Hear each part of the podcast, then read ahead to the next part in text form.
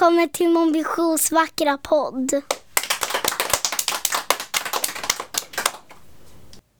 Kapitel 19. Medan ryktaren gjorde Niklansson färdig för promenaden upp till Von Stumps leksaksplats följde jag med Miriam ner till antikaffären. i källa, eh, källaren.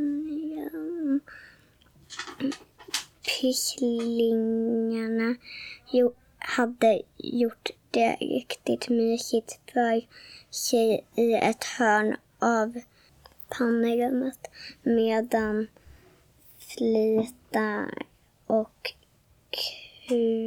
Buska och Häski satt och spelade något slags spel med den gamla knappar.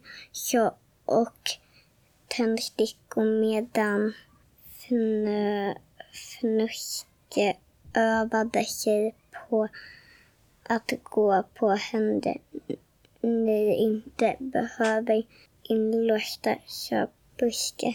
När Miriam frågade pysslingarna vakta butiken bättre än någon nyckel. Det är sant att den fn fnöske och trillade omkull i en hög. Tyvärr skrämmer mig vi bort med en, ett varje Lyktan tog vägen över taket. Han påstod att det gick fortare. Miriam, Isa, Niklasson och jag höll oss på marken. Fullmånen lyste över stadshuset när, när Miriam ledde oss över bron mm, till Norra Malm. Det får människor möta tittade knappt på oss. Och varför skulle det göra det? Vi såg nog bara ut som en vanlig familj.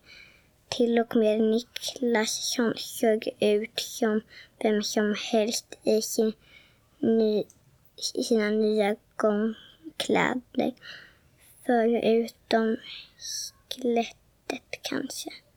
Skägget kanske. Det gick nog faktiskt fort, fort, fortare att gå över taket för rykten stod redan och väntade när vi kom fram till leksaksplats. Ett glasdörrarna var låsta förstås, men i dunklet innanför kunde vi se små skuggor pila omkring. Vad ska vi göra här? sa Niklasson och såg på mörka skryt, ähm, skyltfönster. Träffa gamla vänner, sa Miriam. Hur kommer vi in husen? frågade grannhustaket, sa Ursa. Det är enda sättet. Nu såg Niklasson lite rädd ut. Taket, sa han. Hur ska vi komma upp dit? -"Rösten böjde på huvudet bakåt och visslade samma sorgnanston som Lilla Haj hade gjort. Andra visslingar svarade och från alla kom barn klättrade över taken mot lekplatsen. De klängde över, svingade sig i linor och balanserade på en brant takstro, tak,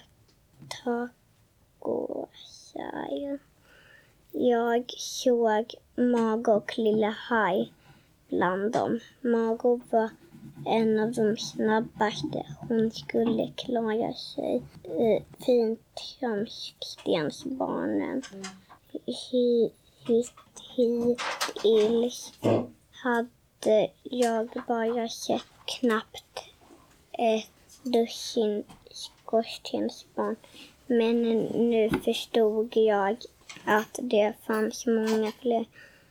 Det var säkert tio barn som drog oss till grannhuset.